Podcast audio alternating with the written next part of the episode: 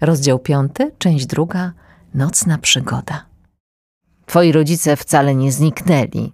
Oni po prostu gdzieś sobie poszli. Poszli? szepnął Rolf. Ale dokąd? Tego nie wiem, ale mam zamiar się dowiedzieć. Przeprowadzimy w tej sprawie dochodzenie. Ostatni wyraz brzmiał w ustach ząbka na tyle poważnie, że Rolf postanowił nie pytać już o nic. Domyślał się wszakże, że będą musieli dokądś dojść i faktycznie. Chodzenie zaczęło się natychmiast. Za mną! zarekomendował Ząbek. Na początek ruszyli do kuchni. Ząbek stanął w progu i fachowym wzrokiem obrzucił wnętrze. W swym domu znał każdy kąt. Wystarczyła chwila, by potrafił w nim znaleźć praktycznie wszystko. Również i teraz bardzo szybko przypomniał sobie, gdzie jego mama chowała starą lampę naftową. Przeszedł przez kuchnię, przez chwilę dość głośno grzebał w spiżarni, po czym z triumfującą miną wyniósł z niej wielką, staroświecką, oszkloną lampę i porcelanową miskę z jabłkami, którą wręczył Rolfowi. To prowiant na wypadek, gdyby szukanie twoich rodziców zajęło nam więcej czasu niż się spodziewam, wyjaśnił. Zgarnął ze stołu pudełko zapałek, wyrabianych przez rodzinę bobrów i skierował się z powrotem do salonu. Ruszamy na poszukiwania, oświadczył. Wrześniowe noce potrafią być naprawdę chłodne. Będzie lepiej, jak zawiniemy się w kołdrę. Tak też zrobili. Zabrali z posłań nieco pościeli i zawinąwszy się w nią ruszyli do ogrodu. Na werandzie ząbek zapalił lampę. Wyglądasz w tym wszystkim jak duch, rzekł Rolf. Ząbek zachichotał. Ty też? Będziemy niczym dwa zagubione w lesie duchy. Na ścieżce ząbek przykucnął. Widzisz? spytał, pokazując świeżo wygniecioną trawę. Tędy szli. Tak ci się wydaje? spytał Rolf z niedowierzaniem. Skąd wiesz? Przecież po tej ścieżce codziennie chodzą wszyscy domownicy. Hm. No tak, ale chodzą sami i w dzień. A tutaj podeptane są również niektóre grządki. Zupełnie jakby ktoś błądził po ciemku albo szedł w większej grupie. Rolf pokiwał głową, nabierając więcej szacunku do dociekliwości przyjaciela. Zamierzasz iść ich tropem? spytał. Tak. Pójdziemy po śladach, aż w końcu znajdziemy ich, dowiemy się, co było przyczyną ich nocnych spacerów. I wtedy wszyscy będziemy mogli razem wrócić do swoich łóżek. Chodźmy więc. Nie mamy czasu do stracenia. Przeszli przez ogród i minęli furtkę prowadzącą do lasu. Tu się zatrzymali. Za furtką ścieżka rozwidlała się na kilka węższych i trzeba było wybrać tę właściwą. Nie mogli przecież zgubić tropu już na samym początku. Ząbek długo przyglądał się śladom na piasku, nim zdecydował. Hmm, wydaje mi się, że poszli tędy. Wydaje ci się?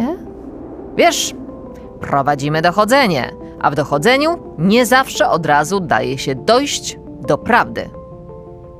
Ząbek wiedział, że jego tłumaczenie jest nieco pokrętne, ale mimo to podreptali w kierunku, który wskazał. Powoli zagłębiali się w las. Szli w milczeniu, bojąc się przerywać nocną ciszę. Lampę nieśli nisko przy ziemi, by nie zgubić śladów.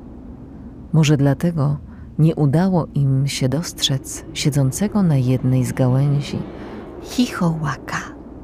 Chichołak również nie od razu ich dostrzegł, gdyż siedział tyłem do ścieżki i właściwie przysypiał sobie, znudzony nieco tym, że w nocy niewiele się dzieje i nie ma z kogo chichotać. A z tego przecież żyją chichołaki, z chichotania, wyśmiewania i wyszydzania wszystkich, którzy staną na ich drodze. Te niezbyt miłe stworzenia żyją zwykle samotnie, gdyż ich zachowanie jest tak nieprzyjemne, że same we własnym towarzystwie nie potrafią wytrzymać. Nudząc się w samotności, tym chętniej rzucają się na napotkane stworzenia, dlatego większość mieszkańców wyspy wolała unikać chichołaków. Jednak, na nieszczęście ząbka, teraz właśnie trafili na jednego z chichołaków, wyjątkowo pyskatego i paskudnego. Zanurzony w półśnie zwierzak pewnie nie wyczułby obecności chłopców, gdyby Rolf nie wskazał nagle przed siebie. Hej, zobacz, ścieżka znowu się rozwidla.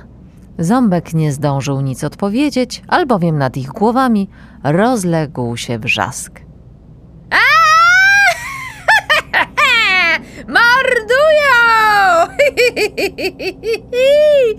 Ratuj się kto może! Przerażony nagłym hałasem chichołak poderwał się z gałęzi. W wielkim strachu nie wiedział, czy ma krzyczeć o pomoc, czy też chichotać i wypatrywać w ciemnościach tych, którzy go zbudzili. Dlatego na wszelki wypadek wolał robić jedno i drugie jednocześnie. Rolf i Ząbek również nieźle się przestraszyli, ujrzawszy szare, podobne do sowy stworzenie, podrywające się z gałęzi i fruwające między drzewami, skrzecząc ile sił w płucach. W dwóch susach dopadli krzaków, próbując ukryć się jak najgłębiej wśród gęstwiny. Ząbek zdmuchnął lampę i począł nasłuchiwać. Jejku, co to było? spytał cicho Rolf. Nie wiesz? Chichołak. Straszny stwór. Hi. Hi. Chichołak? Rolf z trudem wyjąkał nazwę zwierzaka, który ich przestraszył. Ząbek opowiedział mu wszystko, co wiedział o chichołakach. No i jak cię taki dopadnie, to masz zepsuty cały dzień. Zakończył swe wyjaśnienia. Dlatego pozostaje nam siedzieć w tych krzakach, licząc na to, że jednak nas nie wypatrzy i odleci. Tymczasem chichołak zdążył już uspokoić nieco rozdygotane nerwy. Przysiadł na konarze starego dębu i rozglądając się uważnie zaczął mówić.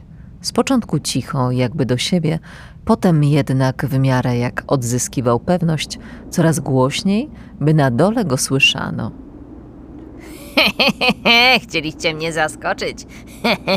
mnie, starego chichołaka.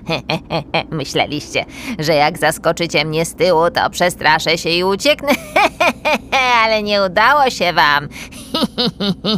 Bo przecież wiadomo, że chichołaki.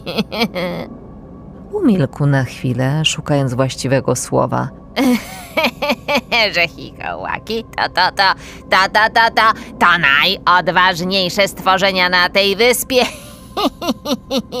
I teraz to ja was przestraszę, a potem będę patrzył, jak próbujecie uciec, ale nie uciekniecie przede mną, o nie! Niech tylko was znajdę, a wtedy popamiętacie. Ostatnie słowa wykrzyczał na całe gardło, po czym ponownie wzbił się w powietrze i krążąc między drzewami począł szukać swych ofiar. Skrzeczał przy tym i śmiał się głośno, zaś jazgot, jaki przy tym robił, był bardzo denerwujący. Biorąc kolejny zakręt, ujrzał wreszcie wystający z gąszczy rąbek białej kołdry. Rzucił się triumfalnie w tamtą stronę. Mam was! No to już po nas, szepnął ząbek, chowając głowę między ramiona. To się jeszcze okaże, powiedział Rolf. Gdy wrzaskliwe ptaszysko przeleciało nad ich głowami i przysiadło tuż obok na ścieżce, zacisnął pięści, szykując się do skoku. Chichołak złożył skrzydła, nabrał powietrza w płuca i już miał zacząć wyszydzać siedzących w krzakach chłopców, gdy wtem z pomiędzy plątaniny gałęzi wyskoczył na niego dziki biały stwór. W końcu cię dopadłem, chichołaku!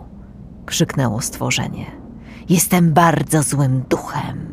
I gdy wreszcie cię schwytałem, nie wyrwiesz mi się tak łatwo. Takiego obrotu sprawy chichołak zupełnie się nie spodziewał. Próbował uskoczyć, umknąć przed atakującym go duchem, ale potknął się o wystający korzeń i padł jak długi na ziemię. Jego krzyk przerażenia wzbijał się ponad hałas czyniony przez skrzeczącego nad nim ducha. Zresztą jego strach wzrósł jeszcze, gdy okazało się, że na ścieżkę wyskoczył kolejny potwór odziany w prześcieradło i jak oszalały odprawiał nad nim coś w stylu tańca wojennego. Tłukąc skrzydłami o piach, chichołak usiłował wyrwać się napastnikom. Gdy w końcu stanął na nogi, był zziejany i spocony ze strachu. Roztrącając duchy, rzucił się przed siebie i nie oglądając się do tyłu, skoczył w powietrze, zatrzepotał skrzydłami, próbując uciec od tego przeklętego miejsca jak najszybciej. Niczym strzała wypadł ponad korony drzew i nie zatrzymał się, dopóki nie doleciał do samej wielkiej góry ziejącej ogniem. Pozostawione na ścieżce duchy zanosiły się śmiechem. No i kto komu pokazał co? spytał Rolf, odrzucając kołdrę z głowy. Pokonaliśmy chichołaka! Cieszył się ząbek, nie przestając skakać w kółko i wydawać potępieńcze okrzyki. Duchy dały radę chichołakowi, chichołakowi. Gdy uspokoili się nieco, siedli na brzegu ścieżki. Posapywali jeszcze przez chwilę, łapiąc oddech, aż w końcu Rolf zapytał. Myślisz, że, on już nie wróci? Jestem tego pewien, Odpowiedział ząbek. Daliśmy mu popalić, że hej, zachowałeś się bardzo odważnie, wyskakując na niego z nienacka. Zupełnie się tego nie spodziewałem po tobie. Rolf uśmiechnął się tajemniczo. Jestem pewien, że jeszcze nie raz uda mi się ciebie zaskoczyć, rzekł. Ale przez to wszystko zgłodniałem nieco. Może byśmy coś zjedli? No pewnie, Powiedział ząbek. to dobra myśl. Wypadałoby coś przekąsić, nim ruszymy na dalsze poszukiwania. W misce było trochę jabłek. Upieczemy je nad ogniskiem. Zobaczysz, pieczone jabłka są bardzo dobre. Rolf wygrzebał z krzaków lampę i miskę z owocami. Nazbierali suchych patyków i w miejscu, gdzie ścieżka się rozwidlała, zbudowali małe ognisko. Ząbek pokazał Rolfowi, jak odpowiednio poukładać patyki i mech, by wszystko podpaliło się od jednej zapałki. Wprawdzie bobry robiły bardzo dobre zapałki, które długo się paliły i można było je używać dwukrotnie, bo miały łebki z dwóch stron, jednak ząbek nie lubił ich marnować. Wiedział, że jego rodzice nieczęsto wybierali się po nowe. Bobry mieszkały dość daleko i chodziło się do nich tylko wtedy, kiedy naprawdę była taka potrzeba. Autorem jest Aleks Sławiński. Czytała Magdalena Woźniak. Bajkę udźwiękowił Szymon Dąbrowski.